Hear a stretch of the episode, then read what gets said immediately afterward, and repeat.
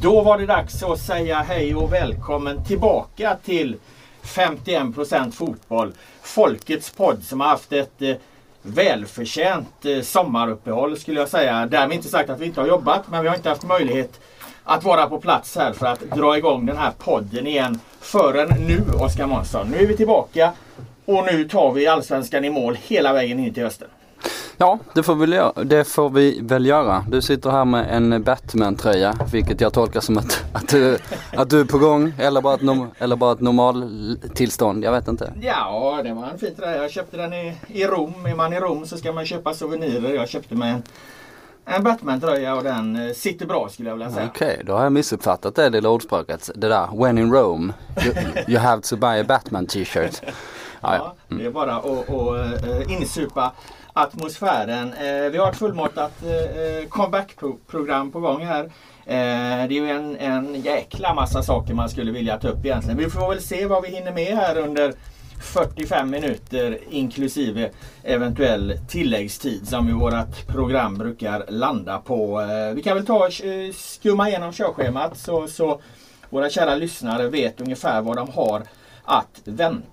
Vi kommer att eh, avsluta programmet med en efterlysning som jag känner att vi måste göra nu när Östersund är på väg upp i Allsvenskan. De är faktiskt åtta poäng före Sirius som ligger på, på kvalplats i Superettan. Så att vi kan få Östersund i fotbollsallsvenskan. Jag ska vara helt ärlig. Jag vet fan inte ett skit om Östersund förutom att jag var där på Storsjöyran en gång och att man kan åka skidor en bit ifrån. Men fotboll och Östersund är för mig ett ganska blankt ark. Så att eh, där kommer vi be om lyssnarnas hjälp och få lite information. Du ska lansera en teori här varför ytterbackarna måste förbjudas inom fotboll. Mm. Det ska bli mycket intressant att höra.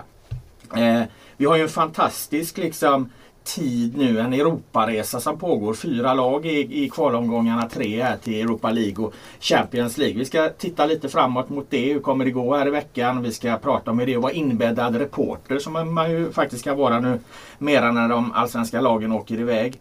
Vi ska dissekera bottenstriden och vi ska framförallt dissekera guldstriden. En galen guldstrid som väntar här till, till hösten med sex lag inom fem poäng just nu. Och det är ju inte vilka klubbar som helst utan där ligger ju liksom de stora klassiska lagen kan man säga. Det, det, det är ganska fantastiskt. Men jag tänkte att vi skulle börja egentligen med att med att höra vad, vad, vad har du egentligen gjort under, under sommaren Oskar? Det har ju hänt rätt mycket annat i fotbollsvärlden den här sommaren. Vi har haft ett VM i Kanada.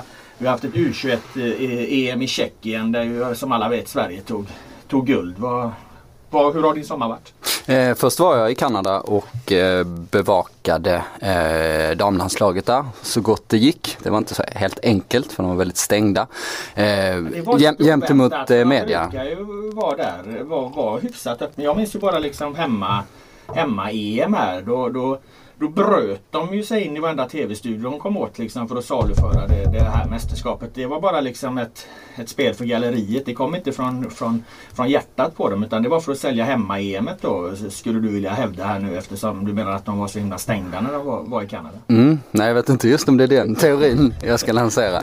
Eh, men eh, men eh, det ju, verkar ju vara en jäkla skillnad. Jag har inte bevakat dem särskilt mycket själv mm. tidigare så jag har ganska dålig koll på hur det har funkat. Eh, men jag kunde bara konstatera att det var, att det var rätt hopplöst i det här fallet.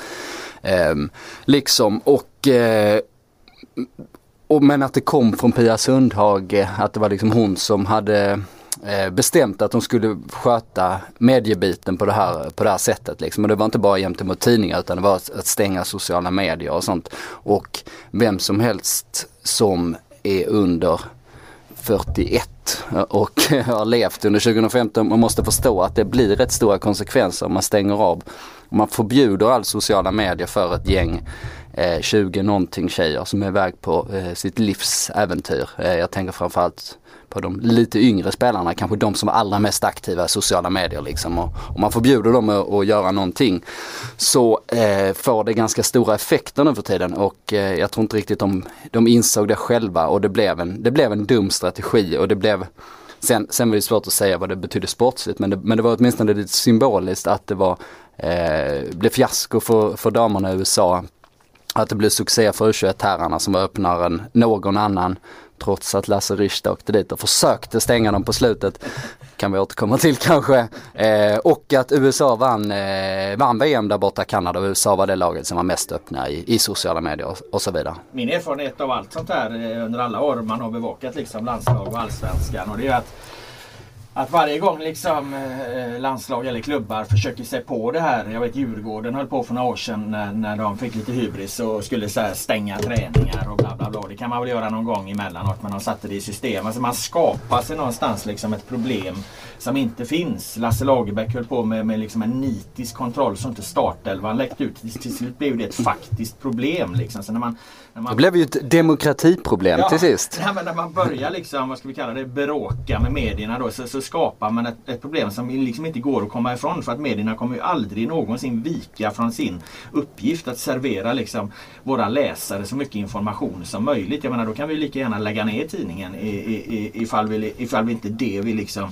ägnar oss åt dag ut och dag in. Eh, och det kommer vi aldrig sluta med. Så att eh, Det enklaste sättet är att hantera det till exempel som, som U21-landslaget gjorde. Då, då, då har man i alla fall liksom inte fört något liksom monster som, som leder till liksom så här sämre stämning och, och onödiga energiläckage. Eh, jag säger inte att det är någon jättestor del av, av liksom det sportsliga sen. Men det är liksom ett onödigt eh, problem som har skapats. Mm rent generellt tycker jag de är ganska bra i Allsvenskan nu för tiden eh, ja, ja. på det här. Många klubbar som är väldigt bra som förstår värdet av eh, publicitet som gärna hör av sig. Och man märker det kommer in lite yngre folk i klubbarna som, som förstår att, att medielandskapet ser ut på ett annat sätt.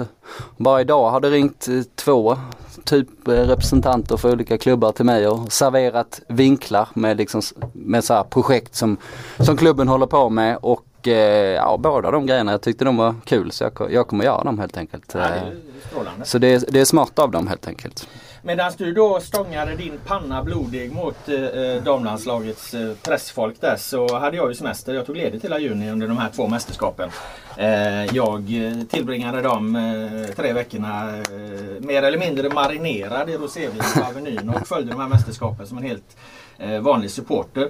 Eh, det, du menar att det, ibland går Batman i vanliga kläder ja, eller, eller vad det heter? Ungefär så. Mm. På, på, och ja, VM i Kanada blev det inte så mycket mer liksom. Det, det kändes väl ganska, ganska snabbt att Sverige inte hade så mycket att hämta i det här mästerskapet. Jag menar nu har vi en eh, ny fin generation på gång här i och med, med eh, 19-årslagets eh, guld där. Det var ju fantastiskt igår. Mm. Det, det, jag är inte särskilt insatt i liksom damjuniorfotbollen, det ska jag inte hävda. Men eh, det känns ju verkligen som att här, här behöver liksom Sverige få fram en ny gyllene generation som man ju hade i början av 2000-talet. Den här liksom Seger och Schelin-generationen. Även om då just de två är duktiga har ju faktiskt inte blivit så mycket mer. Så där, där behöver ju komma något nytt underifrån och det gör det ju verkligen. Mm, mm. Det är, bara, det är bara att vänja sig vid att Sverige vinner mästerskap. Ja, det känns lite så.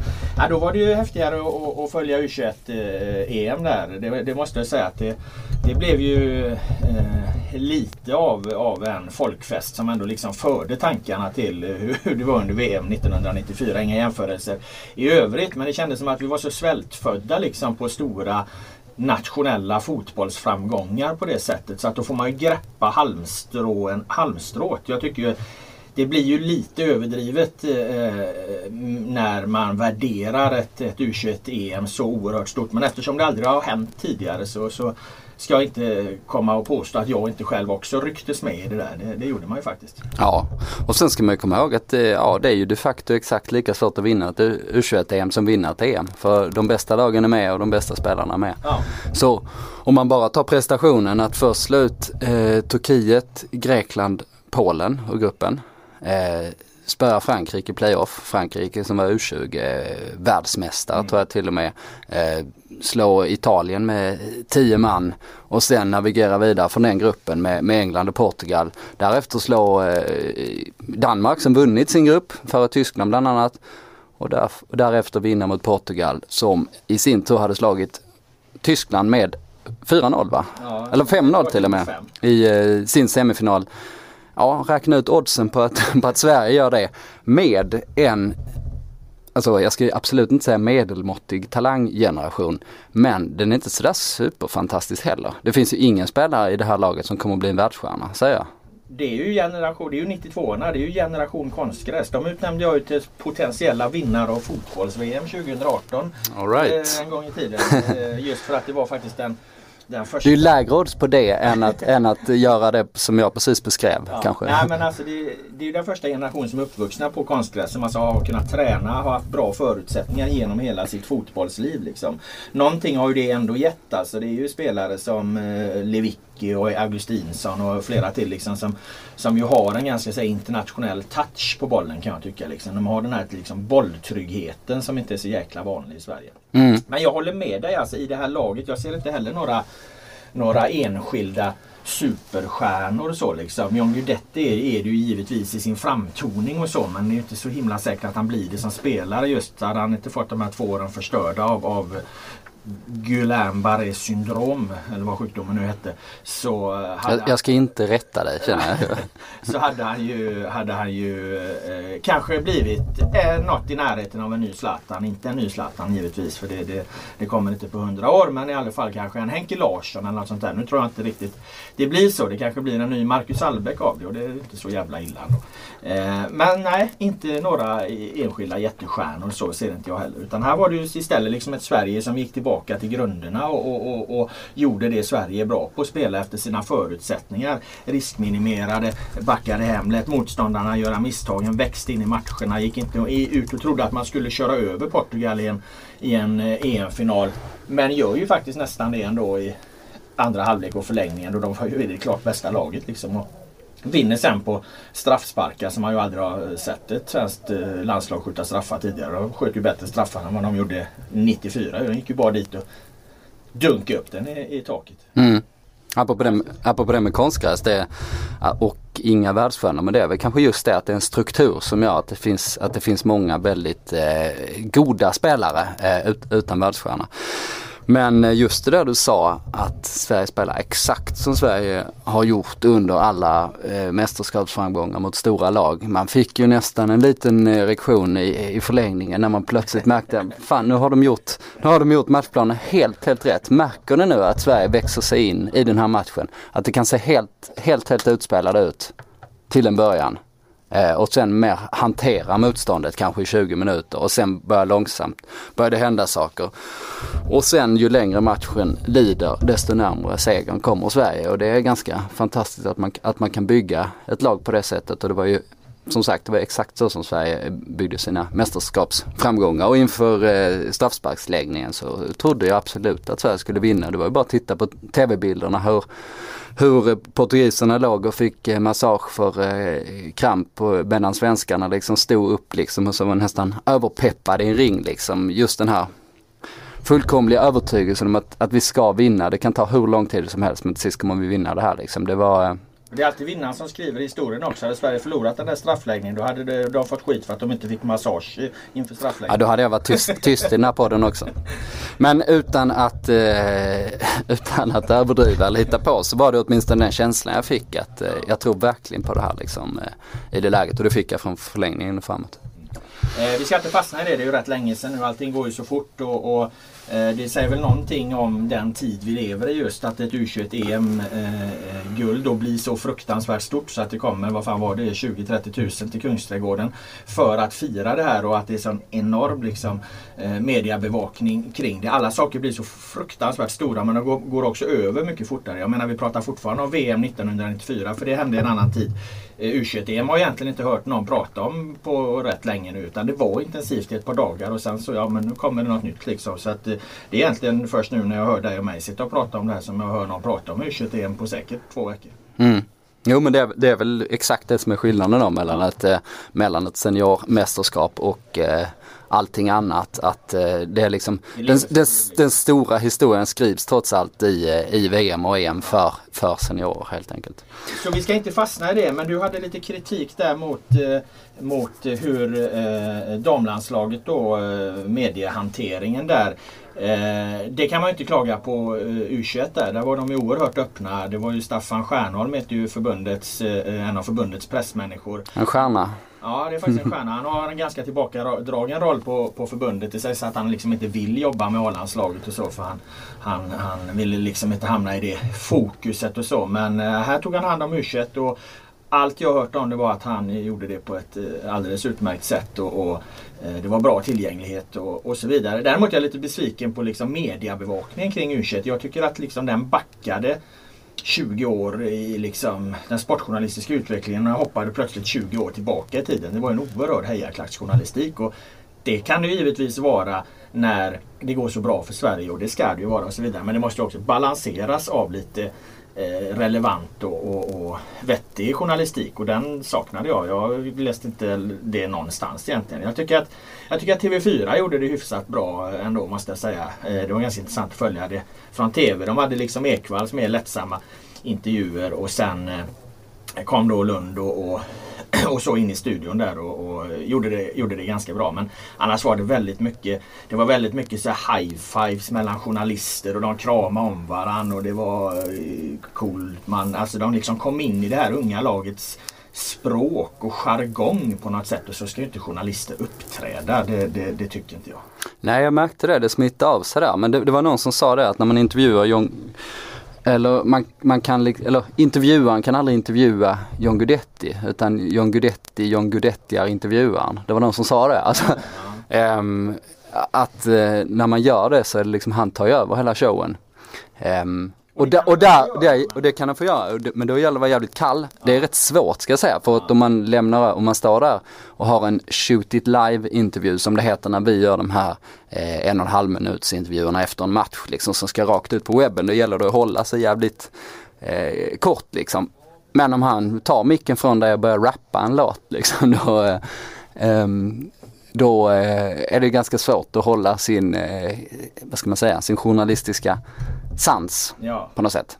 och det, och det, alltså herregud, det, det är inget problem om han gör det liksom. Men problemet är om det alltid blir så här liksom. Nej jag vet inte. Jag ser liksom eh, Jag ser inte mig själv gå runt och high-fiva med, med, med särskilt många spelare som vi bevakar. Alltså det är möjligen liksom jag har, jag har aldrig sett det kan jag säga. Nej, men det är väl jag säger, jag säger inte att det inte har hänt. Ja, men det, har hänt. det är typ med Kenny Pavey som jag själv liksom har lirat boll med. Men då har man en annan relation liksom. Alltså ibland blir det ofrånkomligt att du kanske liksom har en, en personlig relation med någon liksom. Och just Kenny Pavey råkar jag spelat fotboll ihop med liksom. Och vi kom in ganska samtidigt i en Chile där. Så det, det, det, det, skulle jag mycket väl kunna. Det vi kan liksom hälsa på varandra så. Men annars är det rätt främmande. Det skulle kännas jävligt dumt liksom. Mm. Men skitsamma. Eh, vi ska inte grotta ner oss. Men vad, det kändes vad... som att det var att, att hejaklacksjournalistiken fullständigt tog över eh, de som bevakade det här på plats då på alla medier runt om egentligen. Vad var det du saknade då? Ja, jag saknade väl mer den normala liksom, journalistiken. Fick man veta särskilt mycket om, om eh, till exempel hur det här laget eh, tänkte taktiskt. Fanns den liksom aspekten på det hela tiden? Nej, jag läste inte särskilt ofta eh, om det. Det kom möjligen upp eh, i TV någon gång. Det fanns ju liksom en story med Håkan Eriksson där. Hur oerhört liksom, impopulär han hade varit bland spelarna. Hur enade han gruppen eller var han fortfarande impopulär? Eh, det fanns en massa liksom, sådana vinklar. Och den var, den var ganska journalistik som aldrig kom upp och fortfarande inte har kommit Och den var ganska explosiv den storyn också. Det ja. var väl ganska tongivande spelare som var väldigt ja, kritiska ja, mot honom. Eh, eh, som... Och vad fan hände där liksom? Det var det helt tyst om. Jag har fortfarande inte läst någon analys egentligen om varför det, och de som liksom skrev om det. Jag hade semester liksom. Jag har fortfarande inte fått någon liksom, total redogörelse för vad fan vann eh, Sverige U21-EM egentligen. Utan det var liksom väldigt mycket liksom, eh, känslor eh, och, och, glädje hela tiden. Men liksom analysen av vad fan var det, vad gjorde det här laget egentligen? Jag har inte läst den. Har du läst den? Mm, bra fråga faktiskt. Eh, nej, det tror jag inte. Eh, den kanske finns någonstans men jag har inte ja. sett den. Men, men det kanske också är lite det här i och med att de är så tillgängliga, i och med att de liksom går igenom eh, rutan och alla andra skärmar. Nej. går, eh, ja, de går i, åtminstone rakt in i hjärtat hos folk liksom och i och med att vi hade ett sånt överflöd av material hela tiden så var det bara pumpa på på något sätt liksom. Eh, men visst, jag saknar lite den och eh, det var ju en story här till exempel med den inofficiella eh, EM-låten som Danny M gjorde, mm. rapparen som är John, John Guidettis eh, polare så det var bara John Guidetti som frågade, kan inte du fråga honom om, om han inte kunde göra en låt? Och då gjorde han den här Nya Sverige. Som eh, tog över och blev liksom eh, eh soundtracket på något sätt eh, till hela mästerskapet. Eh, och eh, och då spelar ju bland annat Gudetti och de andra, några andra spelare spelar in en spontanmusikvideo framför vår fotograf liksom och vi gör en stor extremt stor grej av det och eh, Gudetti berättade hela storyn bakom och sånt här liksom och det var ju, det var ju skitkul liksom. Eh, men sen har, har ju Danny M hamnat i, i så här eh, ordentligt blåsväder när han eh, efter de här eh, terrorattentaten i Köpenhamn eh, hävde ur sig liksom den värsta alltså, antisemitiska smörjan som fanns. Alltså de här gamla konspirationsteorierna om, om judar.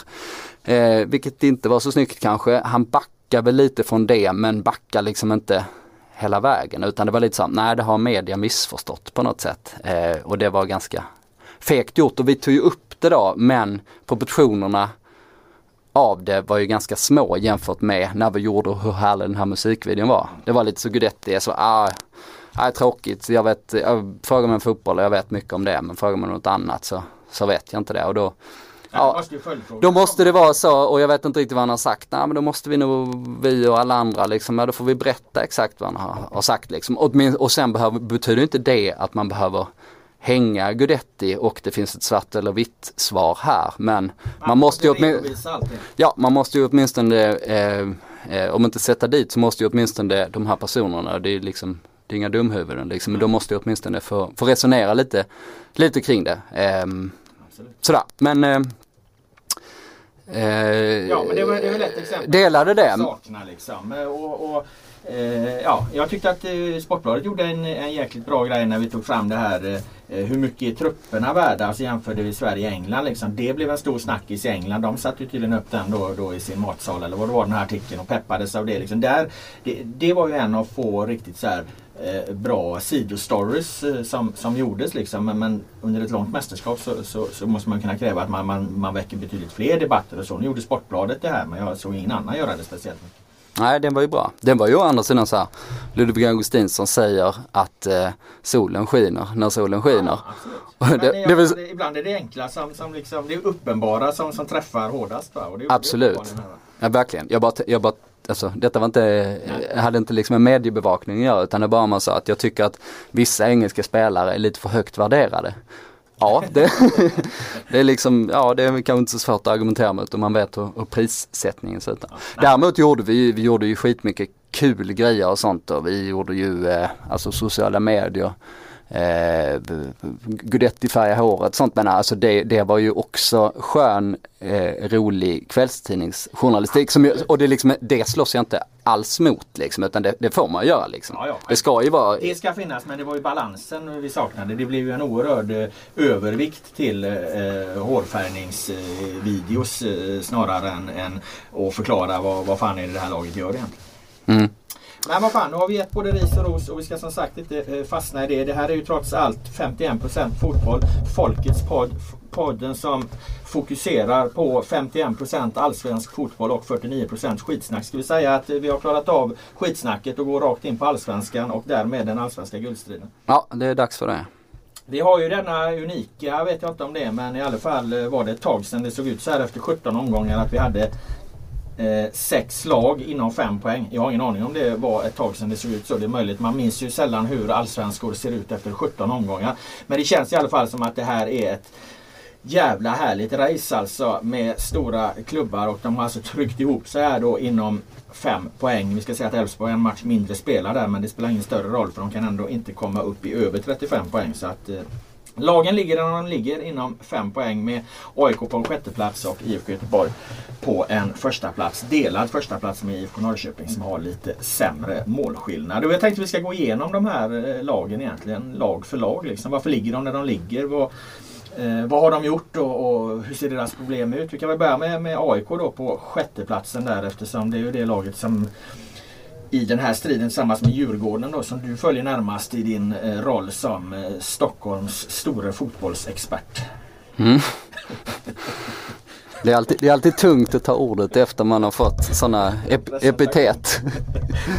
jag, jag, jag, vet vad jag ska kalla dig nästa övergång. Um, jo men vi kan väl börja med AIK då. Uh, läget där är ju någonting som jag tycker jag känner igen från de tidigare säsongerna. Att det är ganska mycket och ofta knorras det om att Andreas Alm bör få sparken.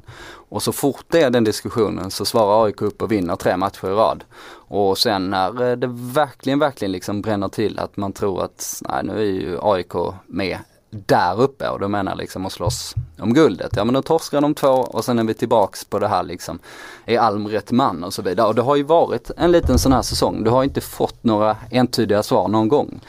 Liksom, och nu lägger de ju sexa, vilket inte låter så bra, men fem poäng upp är ju inte särskilt avskräckande heller. Eh, så det är liksom höga toppar, djupa dalar vad det gäller liksom eh, formen från omgång till omgång. Och det, och det kan man ju verkligen säga i startelvan också. Att det är väldigt höga. Ja. Ser du något faktiskt samband mellan det? Alltså ett, ett, ett, ett, ett realistiskt, ett på riktigt samband mellan att, eh, att de får, Alm får kritik och ska avgå och att eh, eh AIK vinner. För jag menar vi såg det uttalandet från Henok Goitom nu. Det var ingen slump att han gick ut och försvarade eh, Andreas Alm efter eh, segern mot Elfsborg Eh, Elfsborg där. Där, han liksom, där lägger han verkligen korten på bordet och säger att han tycker Alma har fått för mycket skit. Alltså ser du att det faktiskt det betyder något på riktigt där. Att spelarna ser här att fan nu får våran tränare skit där. Vi gillar våran tränare. Nu jävlar får vi, får vi, får vi kamma till oss. Eh, kan... Jag drar det för långt. Jag vet inte. Eh, kanske. Det är åtminstone så att, att AIK har ju varit bäst hela tiden med, med kniven mot strupen. Alltså i de svåraste matcherna har de ju alltid lyckats eh, liksom samla ihop sig och göra, göra någonting riktigt bra. Alltså det är svåra bortamatcher till exempel när det ser riktigt kärvt ut som de, som de imponerar som mest och det är ganska enkla hemmamatcher när de verkligen ska cementera platsen i, i toppen som har gjort att de inte har ja, att de inte har tagit något guld till exempel under de här säsongerna. Så eh, nej, de, eh, de jobbar ju bäst under press i vart fall. Det är en sak som är säker.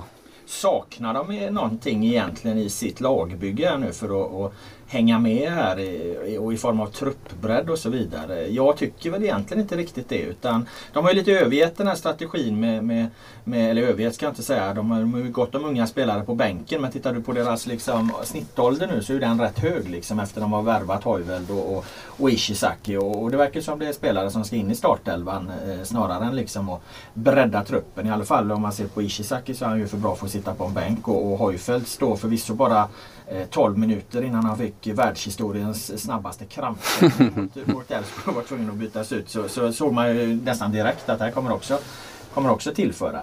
Eh, så de är ju ett mycket äldre lag eh, eh i den här, eh, den här, de kommer vara ett mycket äldre lag AIK den här hösten än vad de har varit eh, tidigare. Mm. men ser du att de saknar någonting liksom i, i, i i truppen i, i elvan? Ja det är, det är två positioner de saknar i så fall. Eh, högerback har de inget bra alternativ överhuvudtaget. Eh, Haukur Hauksson har inte gjort någon bra säsong överhuvudtaget.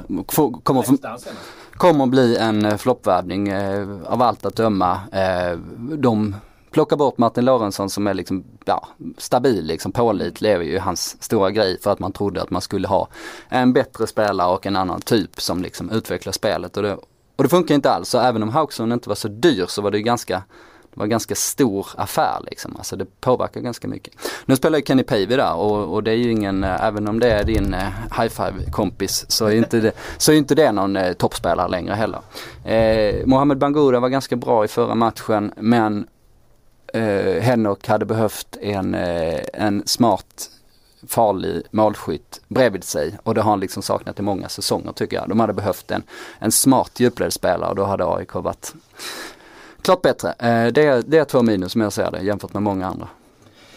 Ändå tycker jag att det känns som att den här, även om Bahoui har försvunnit här nu då, eh, så tycker jag att AIK, AIK höst, höst-AIK känns liksom eh, personalmässigt starkare än, än eh, vår, vår AIK genom de värvningar de har gjort. Om man säger hur de har gått under silly season här hittills då liksom plus minus. Tycker jag ändå de har gått lite plus med de här, här två värvningarna. Med den liksom förlusten då att de som sagt, nu bygger, de, nu bygger de det här på en mycket äldre stomme då på, på gott och ont. Mm, nej, jag håller med. Eh, då, då ska man komma ihåg att eh, eh, Nabil Baoui var ju faktiskt eh, inte så bra i våras heller. Mm. Han hade lite problem med allt möjligt. Så, så det ser ju väldigt stabilt ut men jag håller igen lite för att nu börjar man tro för mycket på dem igen liksom. Eh, en intressant story där som drunknade i U21 helt och hållet det var eh, när jag pratade med Andreas Alm eh, strax Eh, ja det var innan de skulle spela så här kval mot eh, Vasa var det va? Finland.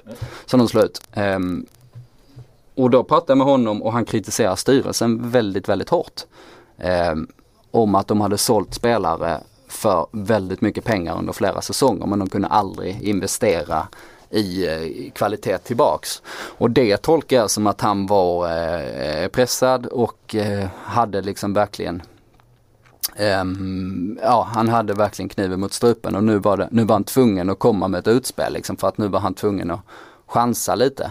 Om styrelsen skulle satsa på honom då får de också eh, då får de också eh, bjuda, upp. bjuda upp lite och eh, ja kanske var det därför som, eh, som de här värvningarna till sist kom in liksom, vad vet jag.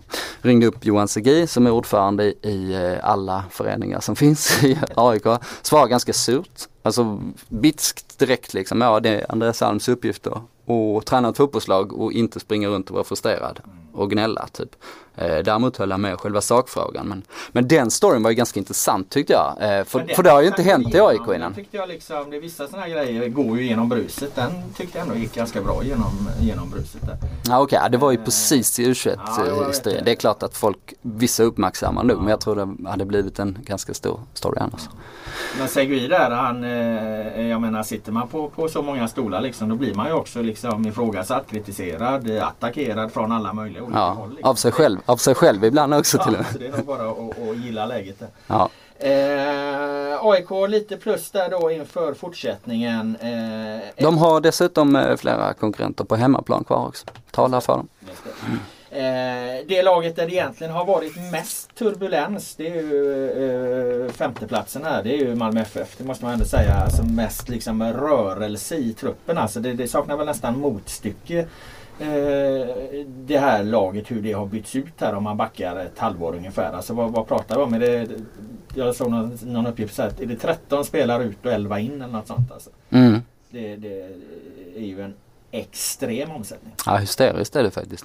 Men du har kollat lite på dem på ja, slutet? Ja, sett ganska mycket av dem och eh, framförallt har jag sett eh, de här nyförvärven nu. Alltså, bortsett då liksom från alla svårigheter som det ställer på en tränare och, och, och, ett lag och en trupp. Liksom att, att ha en sån oerhörd eh, rotation bland spelarna så är det ju den nivån Malmö har hämtat spelare på här är ju ganska intressant att, att landa vid ett tag. Alltså. Jurgic och, och Arnason och, och Rodic och, och, allt vad de heter. Alltså, det är ju spelare som, som normalt inte kommer till Allsvenskan om det inte liksom är hemvändare. Nu var ju Jurgic här och, och vände en gång i tiden i Helsingborg där men det var ju ett halvår inför när de stod inför ett Champions League-kval och så vidare. Så att, eh, eh, de har verkligen värvat spelare på en, på en ny nivå. Jag är lite nyfiken på hur Malmös personalkostnader kommer att ha förändrats här. Alltså för att jag förutsätter att man tar in spelare som ligger på ganska så höga månadslöner. Nu är det möjligt att man korrigerar då genom att ge dem höga sign-on bonus istället och så, och så får de då eh, lite lägre månadslön. Men det är ju egentligen skitsamma liksom. Det är pengar som pengar och, och sign-on bonus räknas ju som lönekostnad till exempel när förbundet gör sina sammanställningar om, om snittlöner och så vidare i Allsvenskan. Snittlönen i Allsvenskan är för övrigt 62 000 tror jag den ligger på. Jag tror att det är någon, det är väl ungefär vad, vad, vad de här gubbarna drar in i veckan om man slår ut de här sign-on bonusen. Ja, så kan det vara. Um, en ett av nyförvärven, eh, Carvalho, den här mm. eh, backen från Uruguay. Han valde ju däremot inte Malmö för pengarna. Utan han valde dem för färgen. Jaha. Ja, för att eh, MFF är ju himmelsblå precis som Uruguays landslagsdress. Ja, ja. Det läste jag att han sa att okay. det spelar roll faktiskt. Och den köpte du rakt upp och ner? Nej, det var han själv som sa det. Så, så, så det Carvalho säger, det ja. gäller? Ja. Eh, Vladimir Rodic där, eh, apropå... Den gillar jag den eh, spelaren alltså. Ja, jag har förstått han det. Han lära sig lite, lite, lite liksom bättre beslutsfattande och så vidare. Men alltså att se, se den bollbehandlingen och den. Han har ju det som så många allsvenskan kan jag tycka saknar men som har blivit bättre sen jag skrev att de var chipsrövare allihopa förra året. Alltså de här tempoväxlingarna va.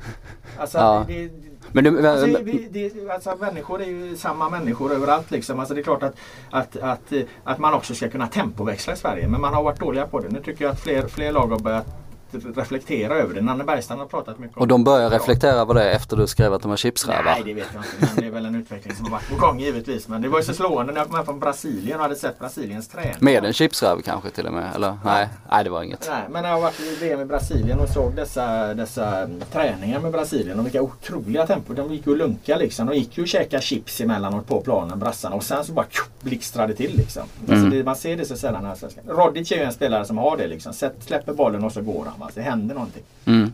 Rodic, apropå status, för, för den var ju intressant. Han kom ju från, ska vi se, han kom ju från Rad, heter de. Eh, Serbisk stor talang, 21 år i vart fall. Eh, och det snackades, jag bara läste om honom lite, om att det var så att, att eh, Atletico Madrid hade varit inne och nosat på honom liksom. Så det är ju en stor talang och den typen av spelare eh, hade ju vi diskuterade det här om dagen. Eh, den spelaren hade ju gått till Holland istället från Serbien. Hade gått till AZ, eh, gjort två bra säsonger och sen gått till Aston Villa eh, på något sätt. Att det är liksom den näringskedjan förutsatt att, att det går bra. Och nu har Malmö plötsligt seglat upp som ett AZ i den statusligan eh, för tillfället då med tack vare eh, Champions League-statusen och Champions League-pengarna. Och det är ju faktiskt ganska intressant. Ja, och det är det som jag tror räddar Malmö. Det är det som jag tror gör att Malmö också, Malmö höst är också plus jämfört med, med Malmö vår. Normalt sett så ska det ju inte gå att hantera så här många eh, förändringar utan att det liksom går åt skogen. Men, men jag menar, värvar du tillräckligt bra spelare så någonstans så finns ju en gräns där det faktiskt blir bättre då. Jag menar det här laget som Malmö har nu, det, det Även om det inte är, är, är samspelt och så vidare så, så är det ju bättre än, än Malmös vårlag eh, tvivelsutan. Och eh, de har, de, Malmö har ju rätt mycket matcher här nu så att det finns ju också mycket matcher att, spela in dem på om man säger så liksom med, med Europakval och allt vad det är liksom och täta spelscheman innan det verkligen drar ihop sig. Så att jag, jag, jag ser att jag ser det som att Malmö, Malmö har gått plus. Däremot så träffade jag en, en supporter här när jag var i Örebro för ett tag sedan och såg just Örebro Malmö eh, träffade jag. Vi var på Timbuktu på kvällen. kom det fram en lirare i Malmö tror jag där och skulle diskutera. Liksom. Han var ju djupt bekymrad över vad är, liksom, vad är hjärtat i dagens Malmö? Alltså hur många spelare i, i, i en elva de ställer upp med nu liksom är, är Malmö liksom? Ja det är ju Rosenberg och så har de spelat mycket med Rakip då också. Ja, Det är så himla många, vilka är kulturbärarna? i Ja men det ser väl hyfsat ut tycker. Alltså, Ja, han var orolig för det säger jag. Ja, ehm, ja, det finns ett problem där eh, i och med att man har tagit in många spelare som inte har ett, ett dugg med klubben att göra liksom, Ja. eh, tycker jag. Och, som, eh, och dessutom har det ju funnits mycket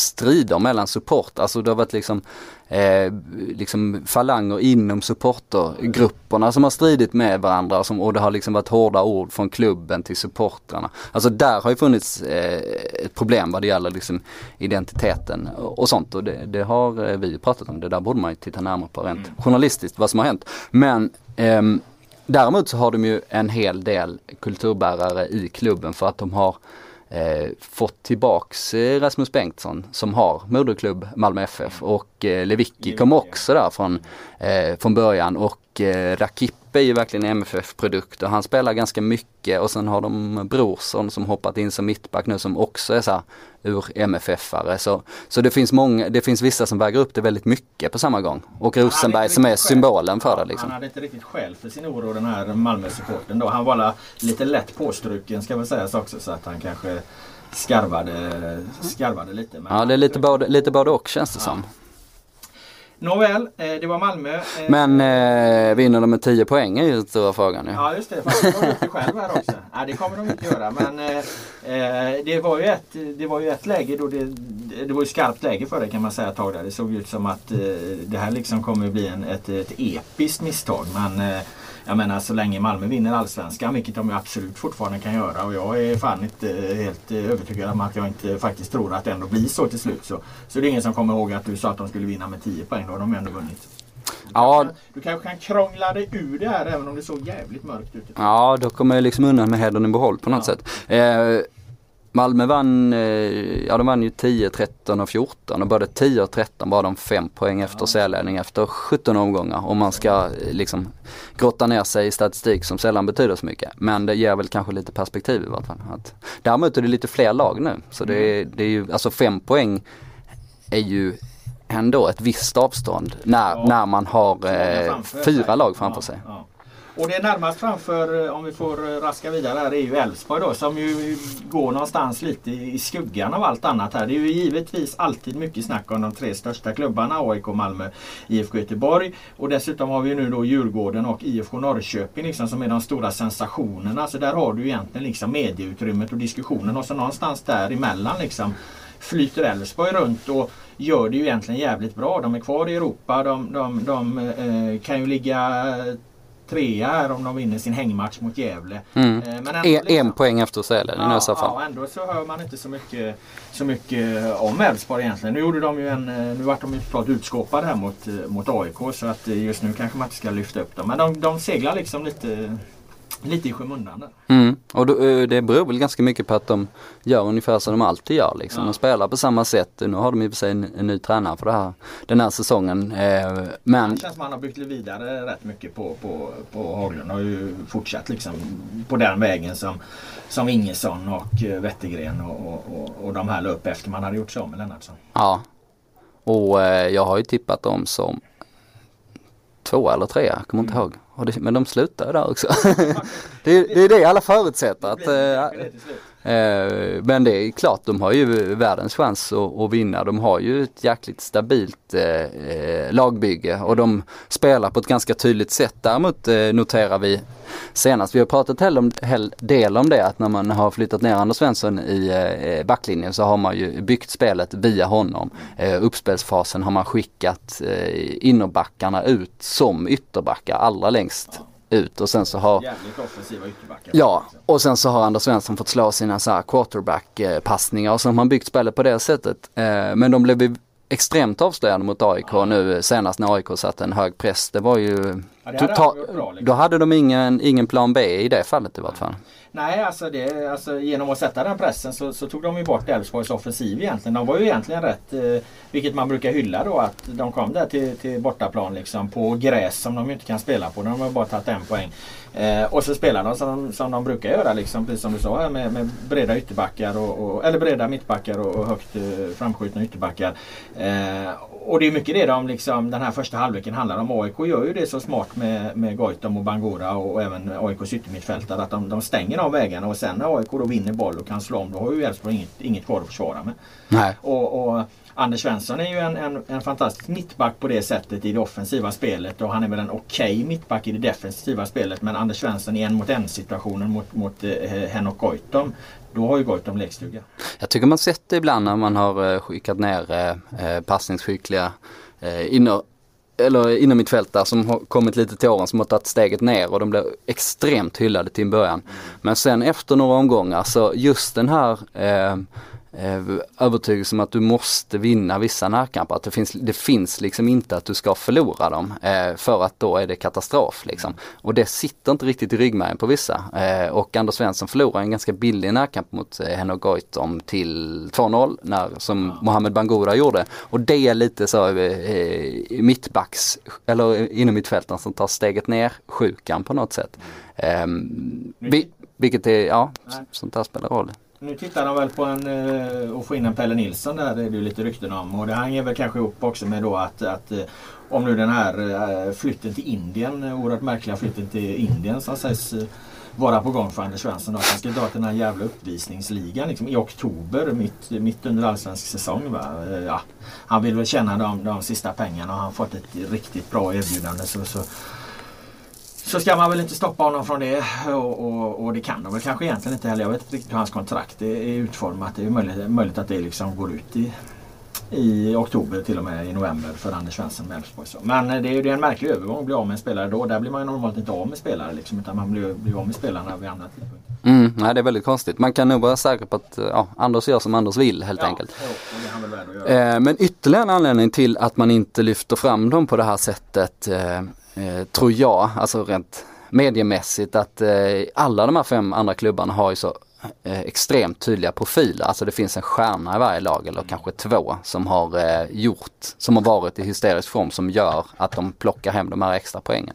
Titta på Elfsborgs interna skytteliga nu. Mm. ja, vet du vem som toppar den? Vad kan det vara? Rodén eller? Ja, nej han ligger två bakom ja. toppen. Vad fan är det då? Det är Claesson som leder nu faktiskt. Claesson 6, Prodell 5, Seneli 5, Hedlund 4, Rodén 4. Alltså det är ganska talande på något sätt. Eh, att det... Sineli har vi väl varit lite snåla, på med, eh, snåla mot med superlativen kan jag tycka. Han har ju faktiskt gjort en jävla fin säsong för att, att vara, var han född 95-96 någonting. Eh, han hade fan förtjänat lite fler rubriker. Han är väl en av få liksom som, som gör det bra på, på Friends mot AIK till exempel i, i den matchen. Det känns som att han han, hur dåligt Elfsborg än spelar så, så, så, är han alltid ett hot med sina individuella kvaliteter. Eh, nu kan väl inte han bli så här årets nykomling eftersom de har så konstiga regler med det där vilket vi har också varit inne på tidigare. Han gjorde väl typ 15 inhopp i fjol och då har han rökt från den liksom. Men det, det känns ju kanske som ändå någonstans det största eller i alla fall ett av de absolut största genombrotten i år liksom, som har gått lite, under, lite oförtjänt under radarn. Seneli har varit jävligt bra. Ja. ja. Det, ska vi hamra fast med kraft och övertygelse tycker jag. Man, eh, jag tror mycket på honom eh, men jag vill gärna se honom i Elfsborg minst en säsong till. Han, måste, han ska få liksom eh, minst 25 matcher nästa år i Allsvenskan om det ska bli riktigt bra. För att han är inte klar på något sätt och det, och det är en sån spelare, man ska nog inte stressa iväg eh, honom heller för då känns det som att Ja, det, det, finns en viss typ av spelare som man, som man ska bygga upp långsamt och jag tror han är en sån. Eh, men absolut, han har ju varit en av eh, deras bästa spelare. Låt oss glida in på Europaplatserna då. Vilken, vilket lag är egentligen den största överraskningen för dig? Är det Djurgården på en tredje plats eller IFK Norrköping på en eh, andra plats? Ganska jämnt mellan dem eh, skulle jag säga. Um, det är ju lite två lag som jag har hypat uh, Eh, Djurgården hypade väldigt mycket inför den här säsongen. Mm. Um, och det var ju mycket för att jag följde dem så noggrant. Um, så det var inte jag som hade gjort någon så här unik spaning utan det var nog bara att jag hade följt dem noggrannare än de flesta andra. Man förstod ganska snabbt att det här var, det här var något riktigt spännande som de har på gång. Uh, däremot tänkte jag mer att det var lite mer på lång sikt som de har byggt mycket, väldigt, väldigt smart liksom. Uh, och kanske inte att de skulle göra eh, så pass bra ifrån sig redan nu. Eh, Norrköping har jag hypat i många år och sen försökte jag snacka ner dem till sist nu för nu, nu har jag gett upp. Men då kom, nu kom ju plötsligt den här... Eh, nu kom... Nu kom... Eh, viss mm. Vilket lag ska vi analysera nu då? Vi ja, är vi på... på vi ska ta Djurgården. Och det är intressant det du säger. Alltså det, som, det man liksom var jävligt nyfiken på men inte trodde att det skulle få sån utväxling så snabbt eh, när det gäller Djurgården. Det, var, det är ju eh, att man tyckte att fan vad de har värvat, budgetvärvat smart liksom. Men det kommer ta tid det här. Det var väl ungefär så man, man ställde sig inför Djurgården. Men fan kolla på deras lag, lag här nu. Omar Colley är ny, han, han dominerar. Björkström är väl ny. Mm. Jätte, jättefint till höger där, framförallt offensivt. Eh, Walker tycker jag har, har varit, eh, liksom hanterat det här steget från Superettan på ett bra sätt. Jag gillar, gillar eh, Walker. Berntsen lite si och så men då framförallt anfallsparet eh, givetvis Jansson Say hello to a new era of mental health care. Cerebral is here to help you achieve your mental wellness goals with professional therapy and medication management support. 100% online. You'll experience the all new Cerebral Way, an innovative approach to mental wellness designed around you. You'll get a personalized treatment plan from a therapist, prescriber, or both in a safe and judgment free space. Your Cerebral therapist or prescriber will outline a customized plan with clear milestones along the way so you can get to feeling your best. With Cerebral, you're not alone in your mental health journey. We're here to empower you to live a fulfilling life. So take that first step towards a brighter future and sign up today at cerebral.com slash podcast and use code ACasts to get 15% off your first month. Offer only valid on monthly plans. Other exclusions may apply. Offer ends July 31st, 2024. See site for details. Uh, eh, Merabti som ju kan spela precis var som helst egentligen och nu tycker jag ersatt Radetinac, skadade Radetinac på ett bra sätt till höger där. Alltså hela laget bygger ju på nya spelare och, och ingen av dem har ju varit särskilt dyr. Nej, det var... Det, det, det, de har gjort jävla värme. Alltså. De eh, sänkte lönekostnaderna jämfört med fjolåret ehm, och totalt hamnar alla de här spelarna på eh, vad nu, runt 5 miljoner. Eh, tror jag det var. Jag skrev det själv så men jag har glömt vad det var. Men jag, jag skrev i alla fall en krönika där när jag var på eh, träningsläger i Turkiet som var så här, hur har du lyckats superbosse. Ja. Eh, hur är det möjligt att du har gjort liksom eh, ett starkare lag eh, som, eh, som du kan, som är värt mycket mer och liksom säljer eh, och, och sänker lönekostnaderna. Ja. Och, det, och den den krönikan blev mest hånad av eh, för alla. Det har nästan mer hånad för den än mitt utspel om Malmö eftersom Djurgården börjar ganska knackigt. Ja, Men ja, just nu satt ju den där den skulle. Men som sagt, det var, jag tror inte det var en unik... Det är tugga i. Ja, eh, ni kan. Nej, nej, nej men eh, som sagt det var ingen unik spaning utan har man bara följt de här spelarna lite så förstod man hur, hur bra de hade värvat. Dessutom var det så tydligt att flera hade Stockholmsanknytning. Vissa av dem hade ju till och med Djurgården som eh, favoritlag och det var liksom, de hade liksom krattat manegen tidigare. De hade liksom kollat upp de här spelarna och hållit en dialog ganska länge så det, man förstod att det skulle gå smidigt att fasa in dem på något sätt. Eh, jag rankade de 10 bästa nyförvärven eh, då eh, från under omgång 1 till 15 då när allsvenskan liksom, ja när man gick in i 16 omgången när halva allsvenskan var spelad. Jag tror jag hade med två Djurgårds nyförvärv där på topp 10-listan. Det var ju eh, Musekvi då och så var det Omar Colley. och jag kunde väl kanske haft med Merabti också men, men det är väl många andra nyförvärv som också ska in där och jag tyckte väl liksom inte han hade varit så eh, så fundamental för Djurgårdens spel i de här första 15 omgångarna. Där, I och med att han liksom används på lite olika platser. Och, och så här. Men däremot när vi ska summera den här säsongen och han nu liksom verkligen verkar kliva in och ta Radetinac roll där till höger. Då kommer den frågan hamna i ett helt annat ljus. Då kommer ju kanske anses som en av de absolut bästa värvningarna sett till allting. Då, talang, eh, långtidskontrakt, eh, billig och så vidare. och så vidare. Att det, det har varit en kanonvärvning sett över hela säsongen då om han fortsätter på den här inslagna vägen. Och sen finns det ett faktum också. Att Pelle Olsson är Allsvenskans bästa tränare. Ja, hur tänker du då? Ja, med tanke på att eh, du och jag har sagt det väldigt länge. Vi har ju rankat bästa tränare och sånt och, och redan på Gävle-tiden så vi satte ju Pelle först liksom. Eh, eh, det är bara att titta på vad har du för resurser, vilka resultat har du åstadkommit under lång tid. Ehm, och jag, jag, tycker han är den bästa. Jag tycker att han är den eh, skickligaste taktikern. Oerhört eh, analytisk av sig och eh, även om man eh, inte verkar vara särskilt eh, karismatisk av sig. Eh, det är han ju egentligen. Ja fast det är lite mer underfundigt kanske ja. sådär eh, eh, möjligtvis. Men, men eh, de, de spelarna gillar ju honom. De vet vad de har honom. Han är ganska, jag tror han är ganska eh, kör på lite mjuka värden, kollar hur folk mår. Eh, tycker om att hålla igång sina forwards till exempel att eh, ja, Amadou Jabo får starta en match för att han vill ha honom i form också. Men det kanske inte är den bästa uttagningen i den här matchen. Eh, men han vill liksom ha dem igång så att när, det ska alltid finnas en backup-plan liksom. Så han, eh, ja, han tänker alltid långsiktigt och eh, han kör extremt mycket på kontinuitet så, så bra det någonsin går. Vilket jag är ett stort eh, fan av och sen är han ju, eh, ja, tack, taktiskt slipad. Eh, förmodligen den skickligaste taktikern Jag gillar med Pelle Olsson där framförallt det är ju att han eh, det absolut vanligaste liksom kritiken utifrån, eh, och vilket jag ofta kan tycka är en väldigt obegåvad kritik, det är ju det här Varför gör han inga byten? Man måste byta, måste förändra. Den åsikten är ofta så himla mycket för eh, förändringens skull. Eh, Pelle Olsson tillhör ju den liksom tränarkategorin som eh, har en bergfast övertygelse om att eh, eh, han har tagit ut det bästa laget för att han har varit noggrann och han har tittat på träningar och han vet hur de fungerar ihop. Han har en, en bergfast övertygelse att så länge de här spelarna orkar, även om det kanske inte ser så himla bra ut, så är det ändå den största möjligheten att vinna matchen. Det hjälper liksom inte att byta för bytandets skull. Liksom. Det är det ofta supportrar vill. De vill se något, ja men gör någonting då. Det där gör någonting. Det kan ju ofta vara direkt kontraproduktivt. Jörgen Lennartsson är lite samma. Han får skit av IFK Göteborgssupportrar för att han väntat till minut 80 med byten och bla bla bla. Liksom. Ja, ja, ja, ja, han kunde ha bytt Robin Söder den där gången ja, kanske. Ja, det är definitivt ha gjort. Det men, men Pelle Olsson är också den liksom. Och jag menar, mot, eh, när de spelar 0-0 hemma mot Åtvidaberg då. Ja då får han, eh, får han ju kritik för att han, han är för sen med byten och så vidare. och så vidare. Nu var det ett liknande läge mot Örebro där. Han gör inga byten. Och så kommer målet i 77 minuten.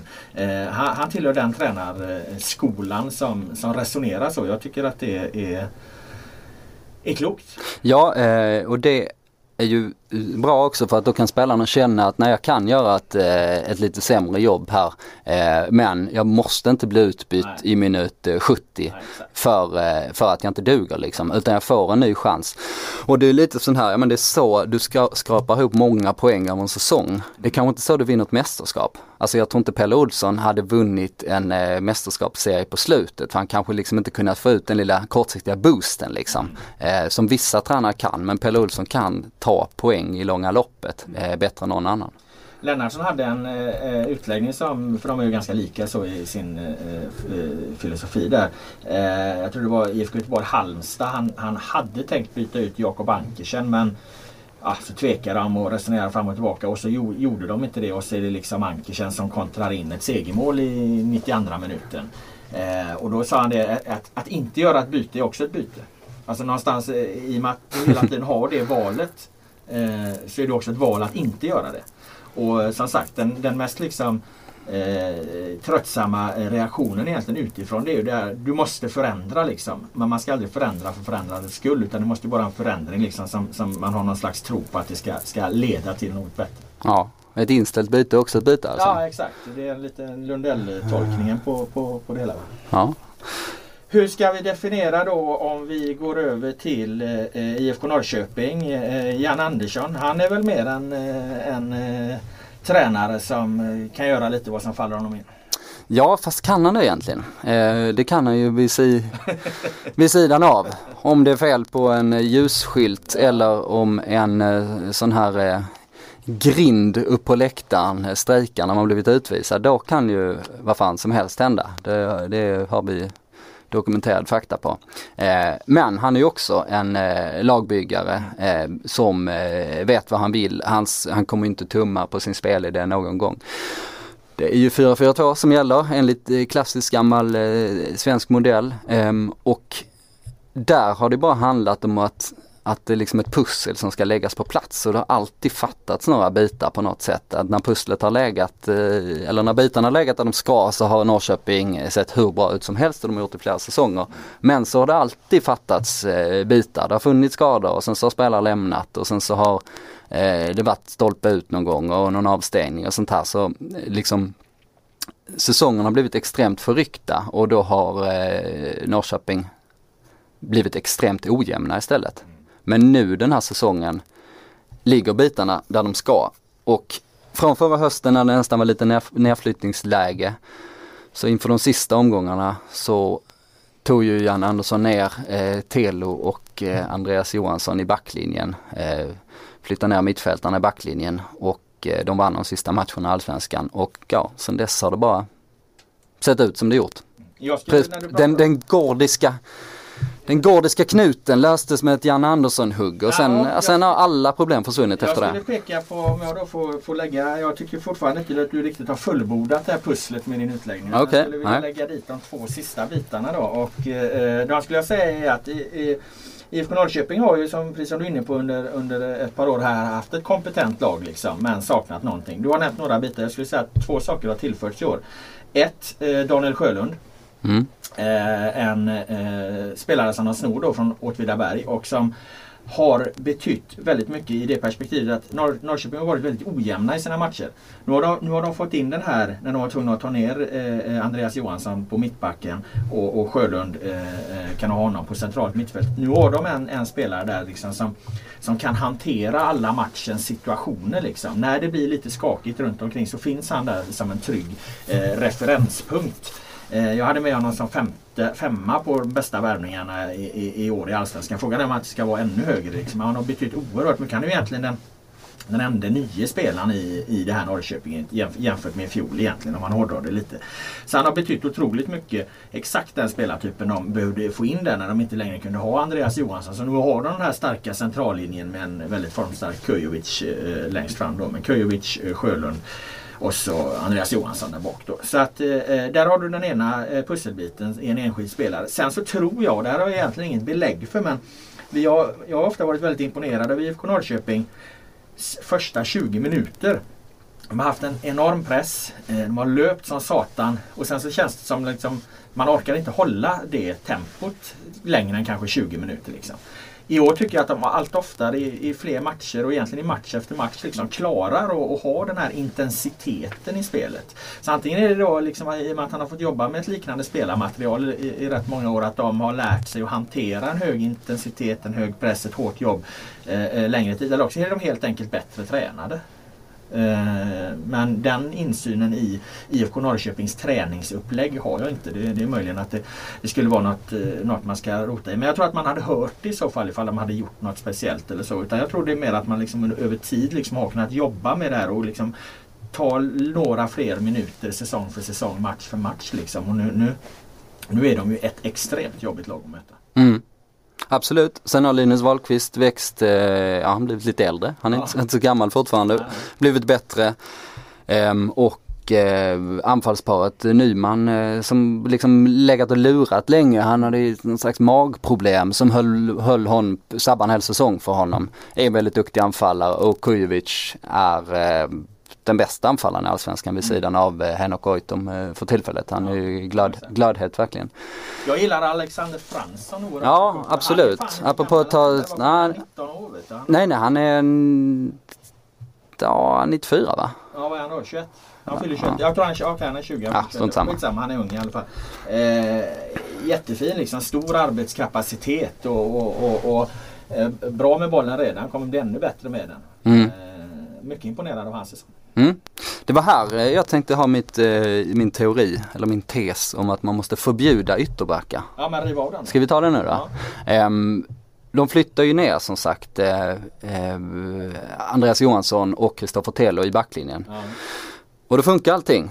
Så det vill säga Telo som vänsterback var ju kanon. En spelare som har haft mycket potential men varit väldigt ojämn faktiskt eh, över, över långa säsonger.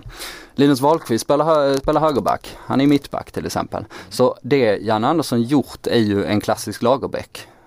Han litar inte på ytterbackarna längre. Så hur löser man det då? Man flyttar ner andra spelare på ytterbackarna och då löser man allting. Alexandersson, man omskolar Micke Nilsson och så vidare. Och så vidare. Exakt. Man hade till och med planer på att göra en ytterback av Chippen en gång i tiden vet jag, Lagerbäck. Men där, där var de tvungna att dra gränsen. Ja, då hade vi haft en, en annan svensk fotbollshistoria idag tror jag. Det är som man kan skriva, vad heter det, sån här... Sliding doors moment. Exakt. Man skulle kunna skriva en kontra, kontrafaktisk roman om det. Vad hade hänt med Sverige om? Um, och eh, när Lagerbäck, Lagerbäck spelar väl med fyra mittbackar backlinjen ja, emellanåt också. Um, så det är det som har gjort att Norrköping har, eh, ja, det, eller det var där det vände i vart fall, att de stabiliserade. Så ytterbackarna dög inte. Och eh, om vi tittar på... Eh... Vi kan ju ta landslaget bara, där har vi ju eh, haft problem att få fram, ja framförallt högerbackar på, på senaste åren. Mm. Jag är fan i 15 år. Ja, vi har pratat om de där. Eh, att vi måste utveckla moderna ytterbackar. Mm. Men eh, ska vi inte bara strunta i det då? Elfsborg ja. kör med Anders Svensson i mitten. Han i och för sig, det är ju, det är innerbacken då, men han kör ju Klar, Klarström, 38 år. Gammal yttermittfältare.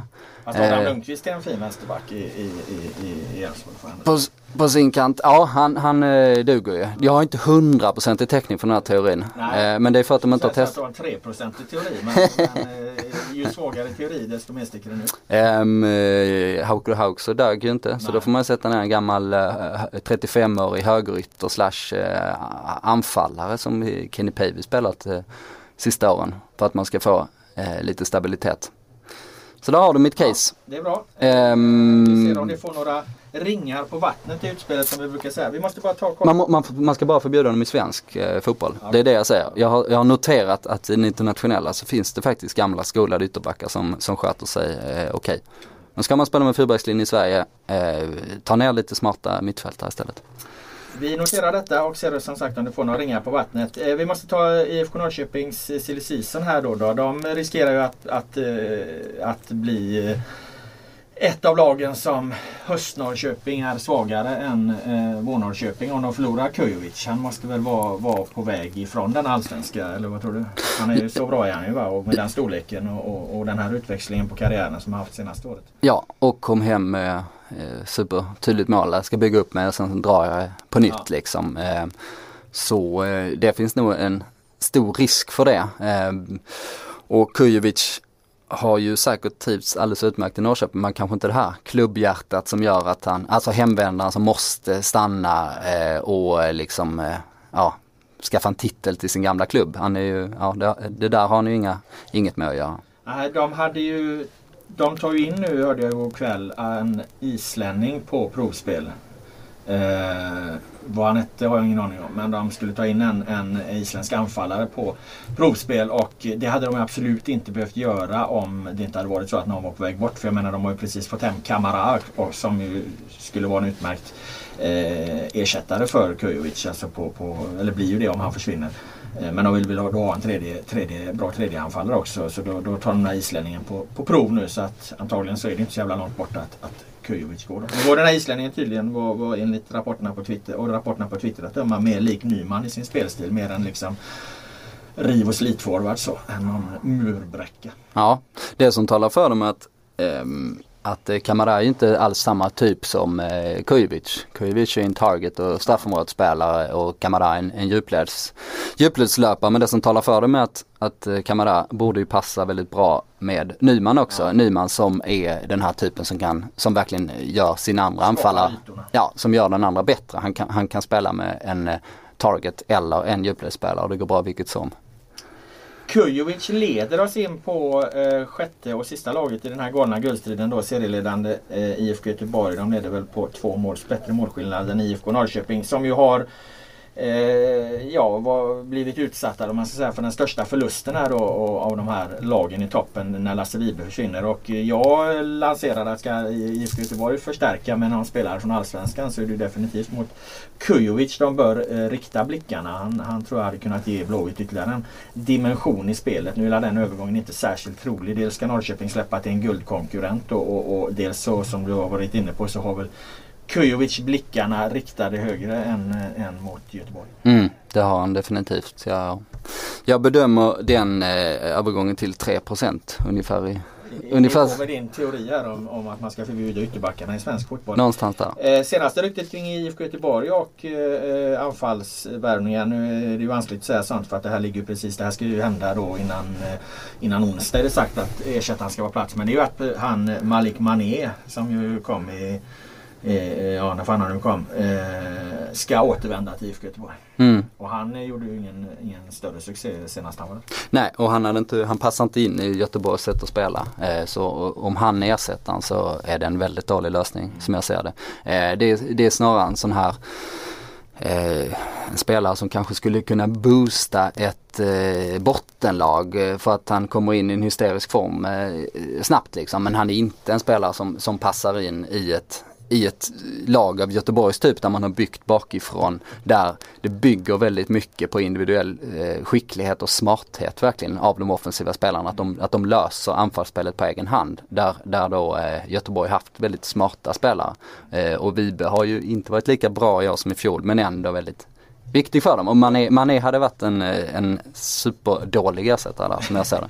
jag tycker ju att vi har varit nästan lika bra. Han har haft en lite annan roll liksom. Han har varit väldigt eh, fundamental på många sätt i IFK Göteborgs eh, spel. Skitsamma. Den andra, en annan spelare det ryktas mycket om där och det är Daniel Larsson då att, att eh, han ska, eh, han, är, han är ju från Göteborg från början.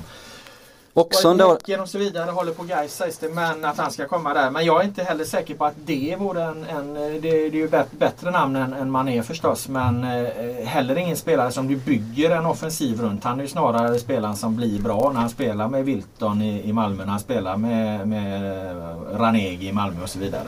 Eh, jag ser inte honom som en, en, en central pjäs som du bygger ett anfallsspel runt. Och det är ju även Gustav Engvall lite för eh, ung för, för att ta den rollen och Mikael Boman lite för begränsad för så att eh, Mats Gren, sportchefen, har att göra det. Jätteproblem eh, får man säga det. Om man har den här, den enda, mycket pusselbitar nu men okej okay, den enda pjäsen som ska in så kommer den vara helt avgörande tror jag för att mm. Göteborg eh, kan vinna allsvenskan. Och jag tror inte Daniel Larsson är eh, svaret. Jag tror han är lite som, som man är. Det är fel, fel typ av spelare. Eh, och anledningen till att det är så svårt att hitta en sån spelare är att det är den dyraste spelartypen som finns på marknaden också. Ja. Eh, ja. Där gäller det att ha gjort jobbet då men de har haft tid på sig. De har vetat att Vibe liksom till 99,9% sannolikhet eh, ska försvinna. Så att eh, annars får man väl säga att det är underkänt av Gren om man inte det hade, ju liksom, det hade nästan varit bättre att ta in typ eh, nu vet jag inte status på honom, men alltså typ Rade Pritcha. Eh, 35 liksom. Nej men även om bara han, alltså en, spel, en spelskicklig, Intelligent. spelare med näsa för, som gör mål och poäng. Bara, bara han är i form så hade det kunnat vara en bättre kortsiktig lösning. Eh, tycker jag. Nu vet jag inte hur Pritchas eh, status ser ut. Det var bara liksom en Israel va? Ja, han var ju där, eh, ja han är nog kvar i Israel. ja. Men, alltså du förstår, du förstår Ja, jag spelare, förstår hur du tänker. typen. Och, och, och, och, och jag tror också det är nödvändigt för om Blåvitt liksom under hösten ska kunna försvara den här första platsen. Däremot tror jag att de, de har ju en, en, en grundstabilitet i det här laget som eh, jag egentligen är bäst av alla de här fem lagen. Alltså från backlinje, mittfält eh, då. Där, där de är oerhört svårslagna. De kommer inte förlora särskilt många poäng. Så att eh, jag säger inte att Blåvitt definitivt ligger kvar på den här första platsen men jag är ganska övertygad om att de, de, de, de kommer vara med i det här racet. Säk, säkerligen måste ju no, några av de här sex lagen falla av förr eller senare. Alla sex kan ju inte vara inom fem poäng när det återstår två omgångar med Allsvenskan. Det tror jag inte. Mm. Och se, och, Några kommer ramla bort men jag tror inte IFK Göteborg kommer ramla bort för de är så, så pass grundstabila. De har ett sådant ramstarkt försvar liksom. Och det är alltid jävligt gött att ha för ett fotbollslag. ja, och den här stommen växer sig starkare också. Ja. Eh, även om, om formen kanske varit, ja det blev ju förlust mot Falkenberg senast. Men, men om man tar den stommen då liksom med Sebastian Eriksson och Rogne och Gustav Svensson. Det är ju spelare som, som eh, blir bättre eh, både individuellt och ihop för varje omgång. Eh, Nu de, har ju Se- Sebastian dippat här eh, efter Allsvenskan. ja, Eh, omstartad och, och är väl liksom en liten förklaring till Blåvitts då formsvacka som vi ändå får säga att de, de har varit inne i. Men eh, eh, han var ju bättre under våren Sebastian. Och jag menar det är klart att det är hans första riktiga säsong på, på ganska länge. Va? Så att det är kanske konstigt att det, det går lite ner för dem. Han har ju inte haft så, så liksom mycket speltid egentligen på rätt många. Mm. Nej det är sant. Eh, men som sagt, alltså tiden talar ändå för, eh, för den här stommen. Mm. Tycker jag. Så är det. Ska vi säga att vi har betat av guldstriden eh, med det och, och raskt kliva eh, till den andra änden av tabellen där vi eh, ju har också då en, två, tre, fyra, fem, sex lag egentligen. Eh, om man räknar med Hammarby. Det var, var en diskussion för några veckor sedan här. Vi hade Nanne Bergstrand på en presskonferens. Han vägrade ta ordet bottenlag eh, i sin mun. För han menar det man föder det växer. Så att han, han vägrar prata om det. Då låg de tre poäng från, från eh, kvalplats neråt. Eh, nu är det fyra poäng ner, ner till kval, fem till nedflyttning. Eh, ska vi räkna in Hammarby i bottenstriden? Eh, nej det tycker jag inte vi behöver göra. De, det känns som de kommer att plocka sina poäng, det är jag ganska säker på. Plus att eh, det finns ju lag som har ganska stora problem där nere. Så jag, eh, Hammarby hamnar nog eh, ungefär där de ligger. Det, det, får, eh, det får räcka för dem på något sätt. Liksom. De, kan inte, de kan inte kräva mer av en första säsong för att de hade ju aldrig, även om de börjar väldigt bra, så har jag liksom, det har aldrig funnits någon sannolikhet för att de skulle till exempel ta en Europaplats. Och övre halvan var väl max på något sätt. Liksom. Så att så man bara tar det sportliga resultatet i år så är det ganska ointressant om man jämför liksom med den långa visionen. Det är den som spelar roll för Hammarby. Och jag, nej, jag, tror, jag tror de klarar sig ganska eh, komfortabelt ändå. Med samma övertygelse kan vi egentligen räkna bort då Åtvidaberg. Alltså har man tagit då, vad är det, 8 poäng på, på 17 omgångar så, så kommer man inte ta Ta de 30 som krävs. Eh, det, det har jag otroligt svårt att se. Däremot Örebro som jag såg mot eh, eh, Djurgården här nu och såg mot Malmö för ett tag sedan. Där tycker jag nu faktiskt att eh, Axén har hittat balansen. Alltså han har hittat en, en, en bra defensiv balans och, och en, en ganska bra stabilitet. De är jävligt svårslagna liksom. Daniel Nordmark har ju fått någon liksom Eh, revival där liksom. Han är lite städgubbe eh, precis framför backlinjen. Han får ofta det känner jag. Ja. För åttonde gången i karriären så börjar man, eh, börjar man tänka, fan är inte han ganska bra ändå? Så. Ja, Robert Åhman Persson som är jättebra röjer där framför. Så, nej, de, jag tror att Örebro de måste eh, klara den här situationen. Jag tror att poängen kommer eh, börja droppa in. Däremot så ska vi såga Örebro på ett helt annat sätt. Okej. Ett ämne som ligger mig varmt om hjärtat. Det är ju så att vi hade en sån här eh, podd där vi gick igenom alla lagens pressfika Mm. för något år sedan som blev väldigt uppskattad eh, hos en del. En, ett, eh, ska man, kan, kan man kalla den podden för älskad? Ja, älskad. Ja. Ett, ett av våra mest älskade poddavsnitt genom historien kan man kalla det. Då tror jag att vi gav Örebro en stark fyra där på gränsen till en femma för deras liksom stora grova eh, brie och salami-mackor liksom. Jag menar, de, de var så stora och de var så välfyllda så att du fick knappt i den här på en kvart. Alltså du, du hade behövt en, en, du behöver en extra lång halvtidspaus för att få, få i det. Så det är riktigt fina mackor. Du, be, du behöver ett, ett bengalavbrott för att Ja, få i dig exakt, den där. Exakt. Ja. Ja. Man behöver ett jävla bengalavbrott för att trycka i sig den brie salami-baguetten. Det var enda gången du skrev en sån eh, reservationslös hyllning till bengalbrännarna. Det var i, var på Bern Arena en gång. Ja. Ehm, I alla fall, eh, nu då har de gjort två förändringar i sitt eh, här. Är För det första så får du en biljett. Alltså en pressfikabiljett är det enda laget i Allsvenskan så du, du, du, du får en jävla lapp liksom som du måste lämna in Ja, för att kvittera ut ditt, eh, ditt pressfika. Och för det andra så har de bytt ut eh, de här eh, fina mackorna mot någon ljust bröd med, med någon eh, halvdassig godaost och, och, och någon ja, normal jävla skinka liksom. En liten klen variant. Eh, sen smakar det ungefär som du har berättat själv då. Inget, inget extra alls alltså. Och, ja, och sen den här jävla biljetten och det gör att du kan bara, bara hämta ut en enhet också. Så du, du, och är du extra hungrig så kan du inte få två. Så att eh, där får vi lägga in att eh, en klar försämring på Örebros eh, pressfika. Men det var ett Ja. sidospår. ja, jag lovade på Twitter att vi inte skulle prata pressfika den här gången. Ja, men jag tänkte på Åtvidaberg där. Um, alltså det är klart de har åtta poäng och de Ja. har, ska vi säga, 1, 5, 11. De har så en vinst på hela säsongen. Men de är ju ganska bra ändå. Alltså man tittar, om man tittar, ja nej men de har ju kommit åtta, är det tre säsonger i rad Ja, de. Ja de brukar göra det. Då. men om man tittar på lagbygget, det, är- det är ett ganska hyfsat eh, gäng. Alltså om de skulle trilla ner i superettan och behålla, behålla det här gänget så hade jag kunnat gå ut och säga att de ska vinna superettan med 10 poäng liksom. Ehm, och det är ju rätt många omgångar kvar. Det, det, man har inte sett någon liksom förändring. Alltså jag vet inte om det är så, sparka Roar.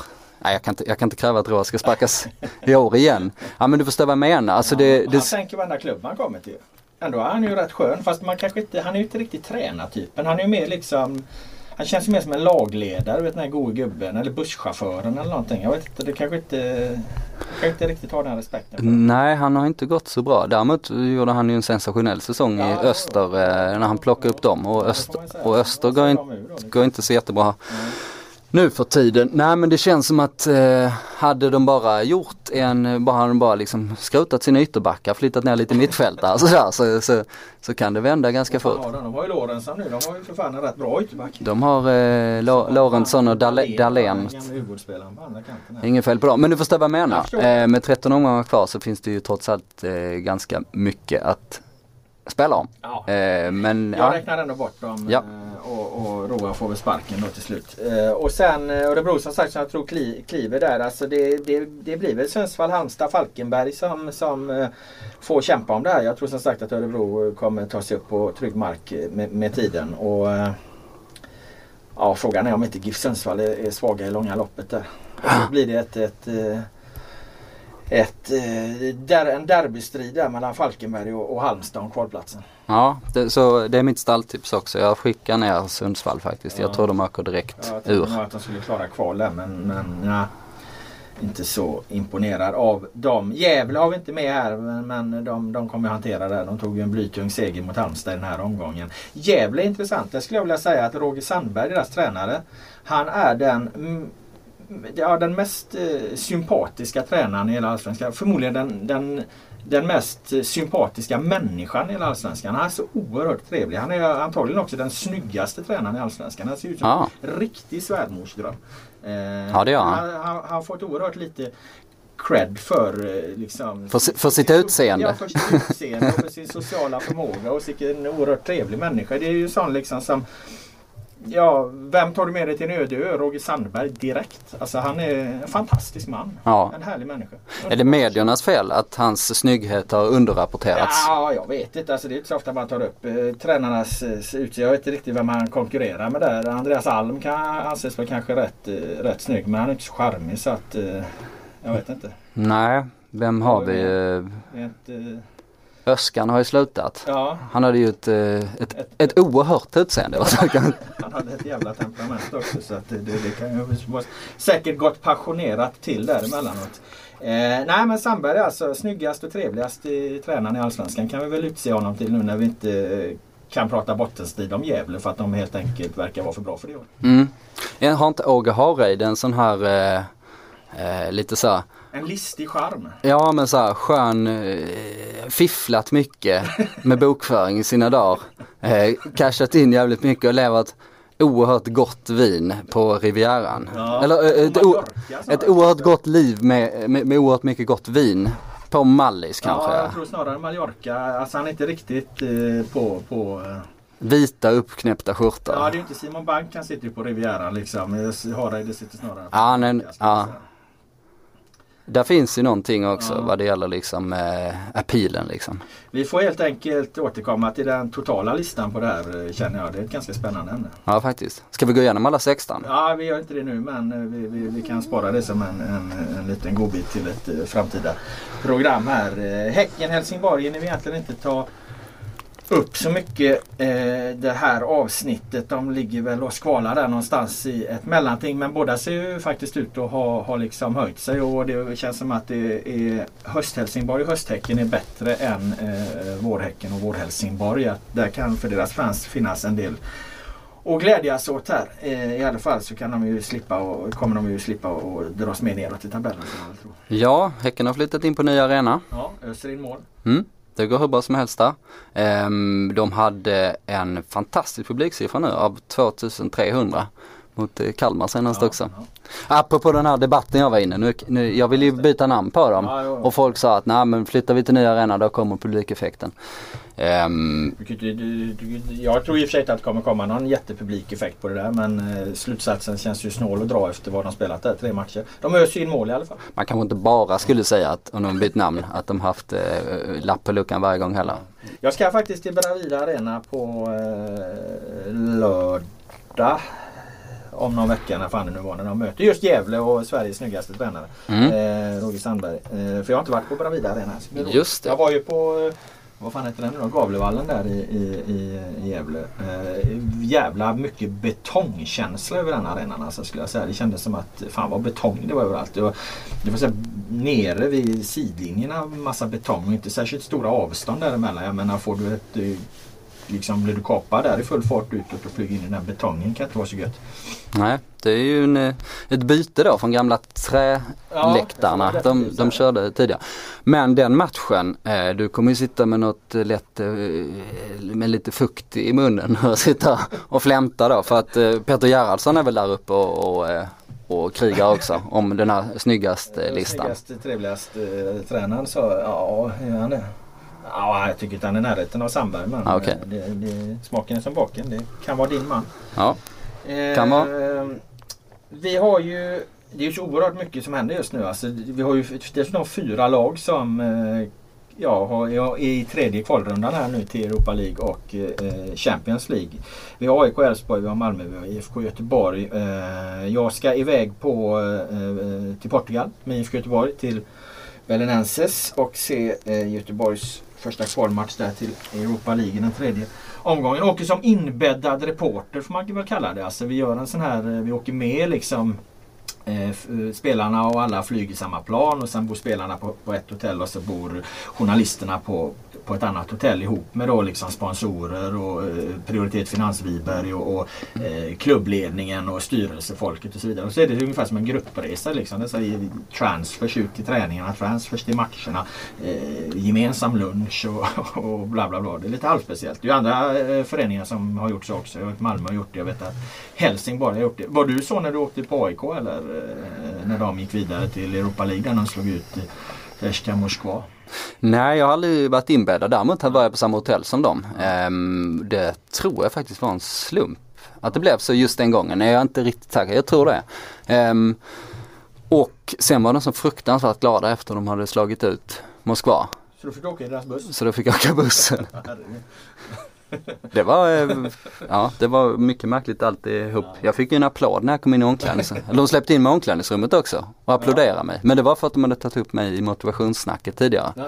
För de sa det är bara en svensk journalist så nu ska vi visa alla jävlar hur missbedömda vi är liksom. Ja men det var ju smart. Så, eh, Eh, Bra tändvätska? Ja, nej jag har inte varit så inbäddad. Jo lite Djurgårdens träningsläger nu senast. De var extremt öppna och, eh, och villiga och bjussiga sådär liksom. Men eh, du har funderat lite på det här konceptet va? Ja, alltså det är ju jävligt bra och jag ser egentligen inga bekymmer med det. Vi betalar ju för oss och så vidare och det, det, det, det är jävligt smidigt liksom. Det, det, blir på ett sätt mer lättjobbat då vilket gör att materialet eh, eh ut till läsarna blir bättre. Du kommer ju också närmre så du, du, du får ju se, eh, du får ju veta en hel del grejer. Däremot hamnar man väl liksom i en, i en lite mer eh, problematisk eh, värdering ifall det skulle brisera någon form av eh, skandal eller någonting där. För att då ska du alltså liksom eh, täcka den här skandalen och sen så ska du sätta dig och käka lunch liksom med, med, med klubbdirektören eh, fem minuter senare. Eh, så det är klart att det blir ju att man man värderar det på ett, eh, ett liksom, jag ska inte säga att man värderar det på, på ett annat sätt men det blir någonting som man får eh, som finns med i ens eh, resonemang och det behöver inte vara negativt egentligen utan ska man liksom dra igång en stor jävla story om att fan nu har det hänt någonting här eh, så, så ser du verkligen till eh, så du har på fötterna och det är egentligen inte negativt och det gör du väl egentligen annars också. Men det är klart att det blir en lite speciell situation när du eh, reser med ett lag. Så man, man liksom man drar ju inte, gör ju inga stora rubriker om vilken jävla skitsak som helst. Alltså det gör väl jag inte så mycket längre heller. Utan man menar man var ung och hungrig som reporter. Men det blir, en lite, lite, det blir en situation man i alla fall måste förhålla sig till. Jag ska inte säga att den kanske i slutändan påverkar så mycket. För jag menar händer det något så, så, som är relevant så, så ska du ut och du ska skriva om det. Även om du ska sitta och käka lunch med någon jävla klubbdirektör sen. Så att, ja. men, det men det ställer ju ganska höga krav på dig själv. Vad tänker du? Alltså man måste helt enkelt eh, vara beredd att när som helst eh, kan det bli obekvämt och, ja, jobb och jobbigt för dig. Din, so ja, din, soci din so sociala situation den kan förändras väldigt snabbt och du måste vara beredd att, att eh, det kan bli så helt enkelt. Det var där mitt långa svammel egentligen ville, ville landa. Jag är glad att du liksom för våra lyssnare benade ut begreppet. Nu var jag inte inbäddad i, i, i damlandslagets eh, verksamhet precis utan var sån utskuffad men efter jag skrivit, jag skrev ju om det där eh, att de, ja, de fintade ju bort oss på en flygplats och så här. Det var ju liksom en, en katt och råtta-lek som kändes otroligt ovärdig för alla inblandade. Kanske allra mest för spelarna då som hamnade, hamnade i kläm eh, på något sätt. Men jag skrev ju om det där eh, och krönikera om det och sånt liksom och de var ju så fruktansvärt sura på mig. Alltså jag har aldrig varit med om någon, om någon som varit så sura på mig. Alltså hela från Pia Sundhage till pressansvariga och så vidare. Men ja, det får, det får man ju ta. Men det är kanske lite lättare när man ändå varit med ett litet tag ja. i det och man, och man äh, har liksom man vet att man kan vara ganska tydlig med det man gör redan innan och sen så får de väl äh, bli arga på det men man, man ska ändå kunna, äh, alltid kunna argumentera för sin sak. Ja. Det har hänt någon gång när jag varit iväg också när jag skrev någon det var med AIK och det var hej och hå med allt och alla men så skrev jag om att Alexander Milosevic var väldigt nära att gå till Verona. Eh, det var på träningsläger i Spanien. Och eh, då gjorde jag det och Westström, Björn Sportchefen. ville verkligen inte att jag skulle skriva om det här men jag hade så pass mycket eh, på fötterna att jag gjorde det. Eh, och då blev det extremt sur stämning där. Ett par dagar och sen var allt back to normal och i efterhand så visade det sig att eh, det var så pass hett att till och med de här Veronas eh, gubbar eller, eller vilka nu var som förhandlat. De till och med förhandlade med Alexander Milosevic i paus när, när, bakom avbytarbåset när, när AIK mötte Rosenborg tror jag, en träningsmatch där. Vilken del av erbjudandet preciserade de där? Ja jag vet inte och denna informationen hade jag inte då. Eh, men det finns väl många intressenter och sånt där liksom och, och eh, om det då kommer ut i, i medierna vad som är på gång så, så kan det förändra förhandlingslägen och, och sånt här liksom. Så då argumenterar ju de utifrån sina egna intressen. Liksom, sådär. Ja, men summa summarum så tror jag att det, det, det, det, är alltså, det är nog mer positivt än negativt att göra de här grejerna. Jag menar IFK Göteborg fick ju någon, någon sån här liksom eh, vad heter det, välkomstplakett av de här Slask Wroclaw eller Śląsk Wrocław som man uttalade då. Det polska laget de mötte när jag var med på den förra eh, resan och den var ju felstavad då eh, eh IFK Göteborgs namn och det gick ju då eh, Martin Kursveld och visade upp det här för, för alla oss i receptionen när vi var på väg att åka ut i matchen. Och det, och det är klubb, klubbdirektören där alltså? Ja, mm. ja, precis och det såg jag direkt, fan det här är ju en liten sån här klackis grej som kan vara lite smårolig liksom att göra en artikel av så att eh, det var ju bara att ta ett citat av honom och sen skriva ut det. Alltså man, man får ju lite det, det dyker upp lite så grejer som inte vare sig särskilt känsliga eller särskilt relevant journalistik men som ja, men ändå är lite småkul i, i det stora hela. Mm.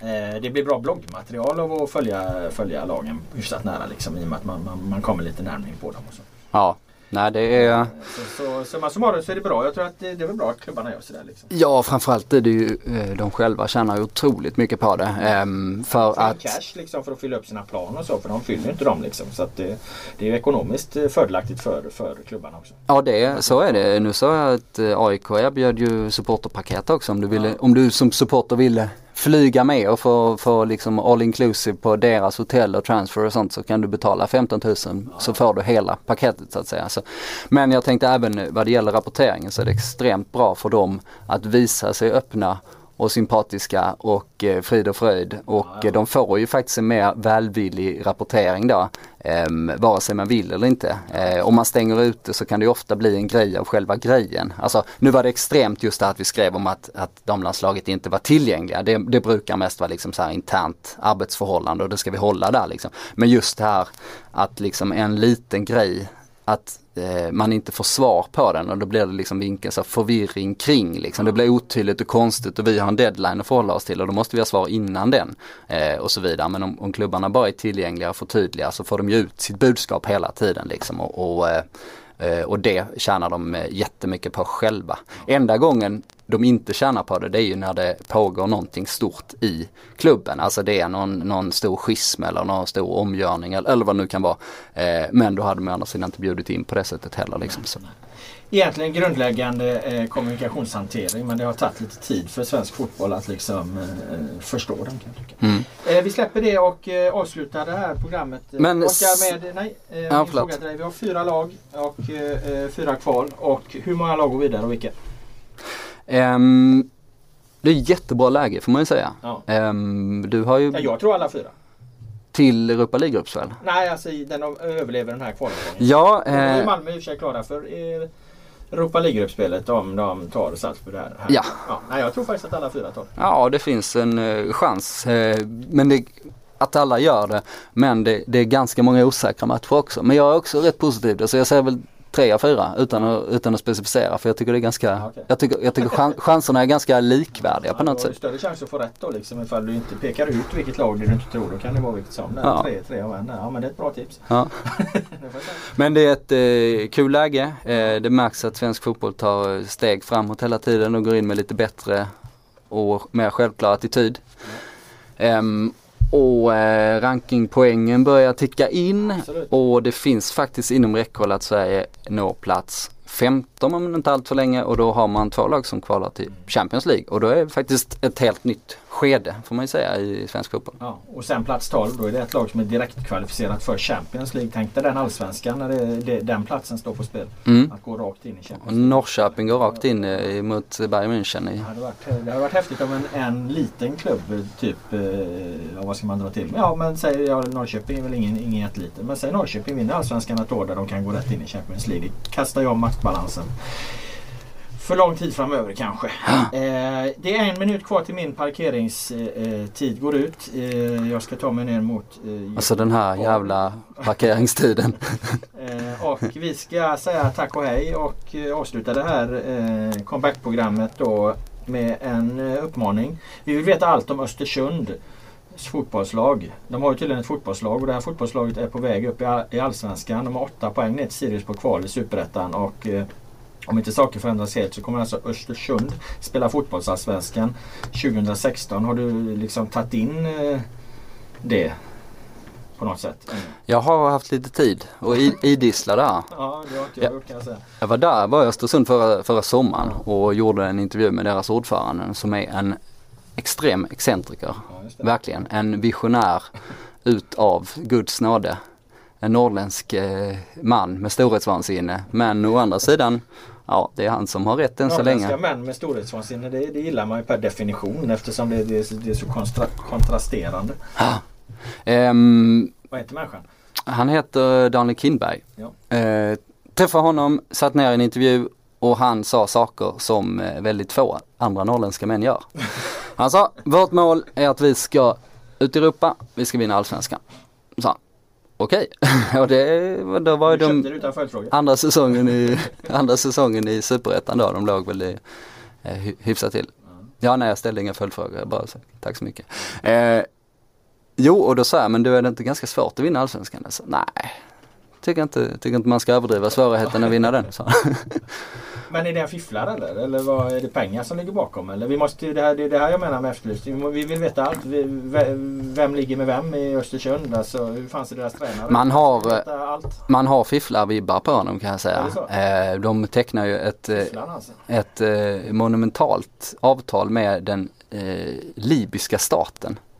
Eh, med liksom... Eh, nej, men det har inte hänt så mycket. Det var väl till och med när, med liksom Gaddafi tiden. Det var väl innan hela arabiska våren tror jag. Eller om det var mitt i allting. Jag kommer inte ihåg exakt. Det var i alla fall ett helt vansinnigt projekt. Jag vet inte hur många miljarder det, det var värt liksom. De skulle utbilda spelare fram och tillbaks eh, och de skulle liksom ha hundra libyska fotbollsspelare skulle komma dit och utbildas och det var liksom utbyte på alla nivåer. Jag, ja. Och eh, sen har det inte blivit så mycket av det där. Eh, men liksom dimension, alltså säga det här att nej, det är klart vi ska vinna allsvenskan liksom. Det är klart vi ska teckna det största avtalet som någon någonsin gjort liksom med eh, den märkligaste regimen som finns på denna jord liksom. Um, så de vibbarna får man. Däremot finns det väl inga, vad jag vet, så har han inte fifflat vad folk, vad folk vet. Nej men hur som helst. Eh, um, Ja, jag, jag, sa, jag sa åtminstone så, okej okay, det är ganska ovanligt åtminstone. Jag har aldrig varit med om någon som pratar på det här sättet liksom. Och då sa han, jaha oj, det, tack så mycket. Så, um, så uh, det är väldigt, väldigt intressant i vart fall. Att man kan tala på det sättet och än så länge så går det ju uh, hysteriskt bra för dem. För att ha byggt upp ett lag som kanske går upp i Allsvenskan. Jag måste verkligen dra Oskar. Det var jävligt, jag vet ja. inte om jag fick ihop det där. Det Nej, blev lite, ja. Eh, ge oss all information om Östersund. Eh, Folkets podd 51% fotboll. Vi tackar för den här gången. Tack Oskar Månsson, tack Robert Laul. Vi är tillbaka nästa vecka igen. Ha det bra så länge. Hej då.